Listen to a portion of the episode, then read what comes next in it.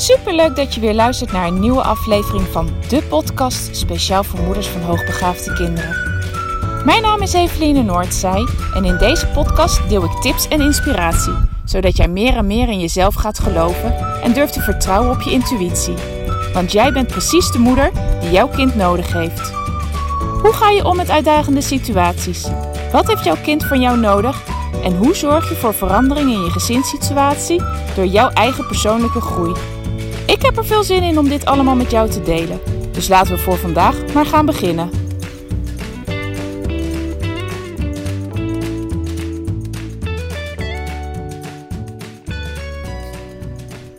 Ha, lieve luisteraars.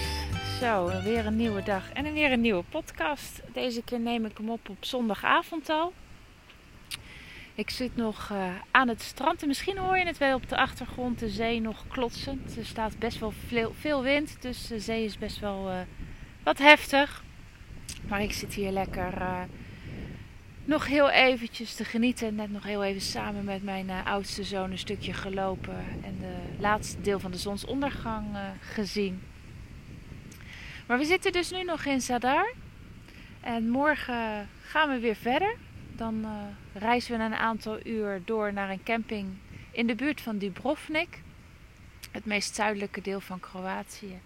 Verblijven we daar weer zes dagen. En dan uh, voor daarna gaan we even kijken wat we gaan doen. Ik denk dat het meer uh, een paar dagen trekken wordt. Dus één, twee dagen ergens zijn, een stukje trekken. En dat komt eigenlijk omdat elke keer vanaf de camping waar we staan het toch best wel flinke tijd reizen is voordat we ergens komen. En mede daardoor doen we momenteel niet zo heel erg veel. Dus uh, ja, het, het, is aan de ene kant relaxed op een camping en een paar dagen dezelfde omgeving. Maar aan de andere kant ja, vind ik het ook gewoon zonde van onze reis dat we daardoor veel minder zien. Dus, uh, nou, en dat we de afgelopen dagen wat minder uh, hier gedaan hebben en gezien hebben, dat komt mede ook omdat niet alleen ik ziek ben geweest, maar ook, ook een aantal van de kinderen zijn ziek geweest en precies allemaal achter elkaar. Dus ja, ik moet zeggen, het grootste deel van onze tijd zijn wij in de lappenmand geweest, of was in ieder geval één iemand niet helemaal fit. En ja, dat is ook de reden waarom we hier eigenlijk niet zo heel erg veel hebben gedaan. Maar goed, in, omdat dat gewoon de situatie was, heb ik wel een heleboel andere dingen kunnen doen. Dus ieder heeft weer een schoon gewassen bed. Alle wassen zijn weggewerkt. Uh, nou, we zijn. de caravan is gepoetst, dus we kunnen weer schoon, schoon verder naar de volgende camping. En het heeft ook even tussen de mogelijkheid gegeven om zelf weer eventjes wat dingen op een rij te zetten, na te denken. En ik had het daar gisteren met mijn man ook nog over. En um, hij stelde mij eigenlijk best wel een hele kritische vraag. Van um, Eveline, hoe komt het dat jij eigenlijk altijd wil dat het ja, harmonieus is in ons gezin? Hè? Dat, er, ja, dat het gezellig is en dat het fijn is. En, en dat vroeg hij natuurlijk niet zomaar. Um, dat was omdat ik het, ja, deze reis misschien al eigenlijk al wel wat thuis ook had dat ik het heel moeilijk trek dat de kinderen zo veel oneenigheid met elkaar hebben. En ja, daar reageer ik dan weer op. En waar ik in het verleden daar meestal best wel heel rustig onder kon blijven. Of uh, kon denken, nou ja, dit hoort erbij, laat ze maar even gaan, prima. Merk ik dat ik daar zelf helemaal niet zo heel goed meer tegen kan. En hij vroeg me hoe dat eigenlijk kwam. En nou ja, ik heb er natuurlijk wel over nagedacht en tot op heden weet ik het niet. Ik, ik kan daar niet echt een goed antwoord op geven voor nu waarom ik daar, uh, ja, waarom ik daar zelf zoveel last van heb.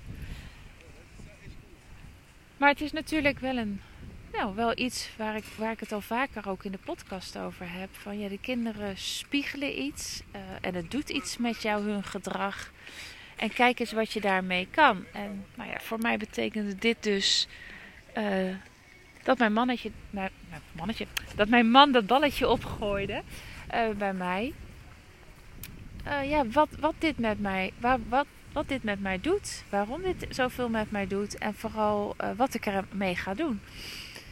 En nou ja, zoals ik net al zei, ik weet zelf niet zo heel goed waar het vandaan komt, maar wel dat ik er iets mee wil. Want ja, het heeft best wel een invloed op alles. Want omdat ik het zo graag gezellig wil hebben en er zo bovenop zit. Als ze een keer bonje hebben, als ze ruzie maken. Of nou ja, als het even niet zo heel gezellig is omdat er een of, uh, of een van de kinderen loopt te mopperen. Uh, en ik zelf daar dus uh, heel onrustig van word en boos van word. Ja, dan zet ik zelf juist de toon die ik niet wil zetten. Namelijk, ik word boos. En nou, dan is de harmonie natuurlijk nog veel verder te zoeken. Dus ik ga er in ieder geval voor mezelf mee aan de slag. Uh, maar dit is dus precies, eigenlijk geeft dit zo weer uh, waar ik het elke keer in de podcast over heb. Van wat doet het gedrag van de kinderen met jou en waarvoor heeft het zo'n impact op jou als ouder? En vooral, wat kan je er zelf mee om dat te veranderen? Um, want op het moment dat je ergens zelf heel erg veel last van hebt, dan reageer je vaak op een manier waardoor je het alleen maar erger maakt. He, zoals ik het zelf voor mezelf net omschrijf, omschreef. Zo, ik wil zo graag dat het gezellig is. Dat ik zo boos kan worden als dat het niet is. Waardoor ik het nog negatievere bijdrage aan de sfeer lever. Waardoor we helemaal niet hebben wat ik heel graag wil bereiken. Dus ik ben daar zelf de sleutel tot verandering in. Want het is heel logisch dat kinderen ruzie maken. En het is uh, voor mij ook prima als dat eens een keer ook nog wel eens een keer fysiek is. Normaal gesproken is dat voor mij prima. Alleen de laatste weken, maanden niet. Uh, dus het is ja, zelf elke keer kijken wat betekent het en wat kan je ermee mee doen. En vooral wat gaat het je uiteindelijk opleveren. En ik weet voor mezelf, als ik dit aanpak, dat het gaat opleveren dat het veel gezelliger is. Want als ik er niet meer zo bovenop zit en zij gewoon even hun ruzies kunnen uitvechten, dan blijft het niet tussen ze hangen. Het is even bal. En daarna kan het weer rustig worden. En kunnen we gewoon door. Het, het zegt namelijk ook niks over mij. En dat weet ik inmiddels wel. Het zegt niks over mij. En toch heb ik er heel erg veel last van.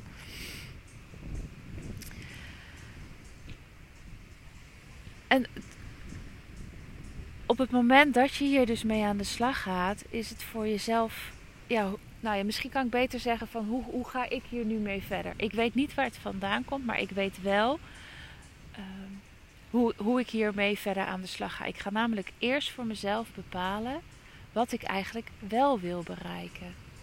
En wat ik in deze heel graag wil bereiken, is dat ik zelf, als de sfeer even niet zo positief is, dat ik rustig kan blijven.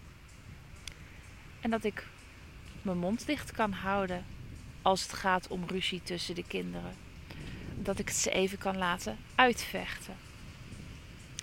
Dus voor mij is de eerste stap, um, en, en mocht je hier ook mee aan de slag willen, is heel helder hebben van wat je wel wil. Dus blijf niet hangen in wat je niet wil, maar ga werken aan wat je wel wil.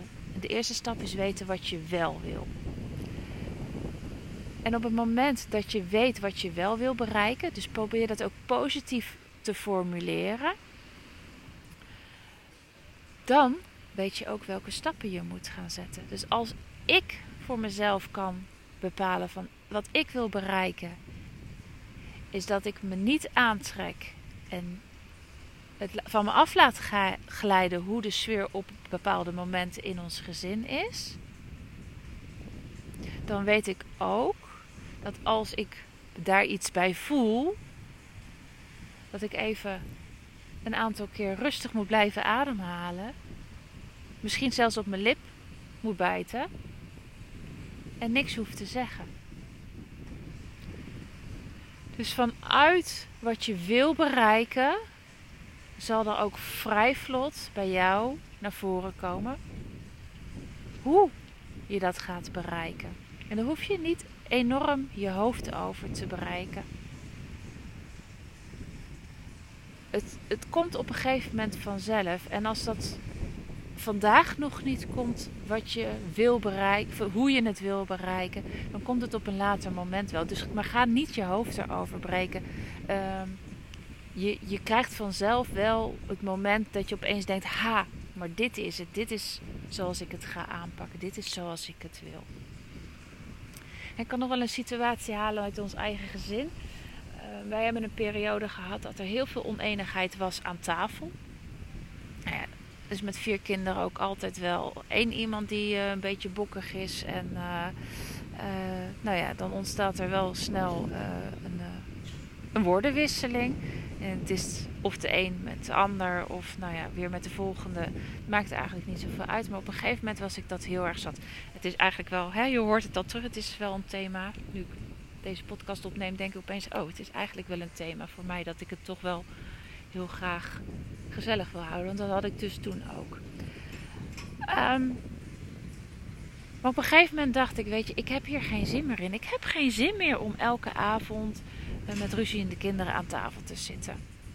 En ik wist wat ik wel wilde bereiken. Ik wil gewoon rustig kunnen eten. Ik wil met iedere kind een gesprek kunnen voeren. Ik wil weten wat ze de dag gedaan hebben, wat ze meegedaan hebben, hoe het op school is. Op dat moment zaten de kinderen nog op school. Wat ze gedaan hebben. Uh, nou. Dus ik wist heel goed wat ik wilde, maar ik wist nog niet hoe ik dat wilde bereiken. En op een gegeven moment na een paar dagen kwam opeens de klik bij mij dat ik dacht van hé, hey, weet je wat?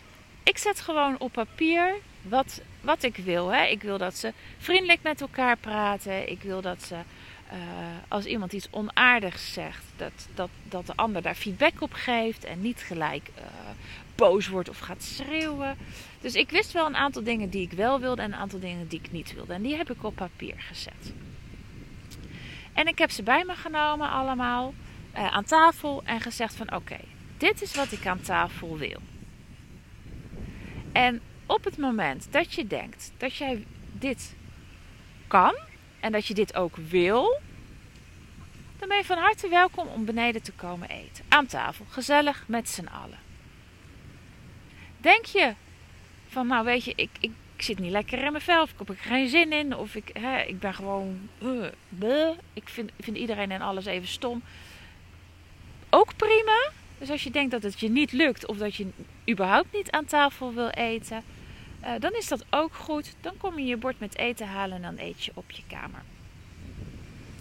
En dat hebben we een hele tijd zo gedaan. En op het moment dat er wel ruzie op tafel ontstond, dan zei ik één keer: Weten jullie nog wat de afspraken waren? Je hebt er zelf voor gekozen om je hier aan te houden. Ik zeg het één keer, bij de volgende keer kan je alsnog je bord pakken en naar boven gaan. En in no time bereikte ik wat ik wilde bereiken. Dus het was vanuit ik weet wat ik wil, ik weet wat ik wil bereiken. Naar een paar dagen later, ik weet ook hoe ik het wil bereiken. Die ingeving kreeg ik.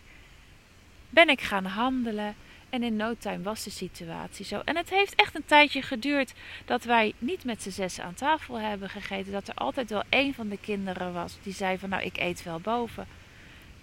En na verloop van tijd, ik denk een aantal weken, dacht ik opeens: hé, hey, wij zitten nu alweer een week met z'n allen aan tafel en het gaat prima. Dus als je veranderingen wil doorvoeren, weet wat je wil bereiken.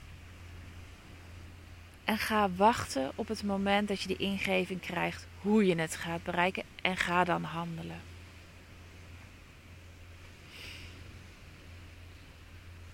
Nou, ik hoop dat je hier weer wat mee kan. Um, zo niet, hè? let me know. Um, stuur me even een berichtje. Uh, dan denk ik even met je mee. Zowel, nou super, fijn. Fijn, ga ermee aan de slag. En dan uh, spreek ik je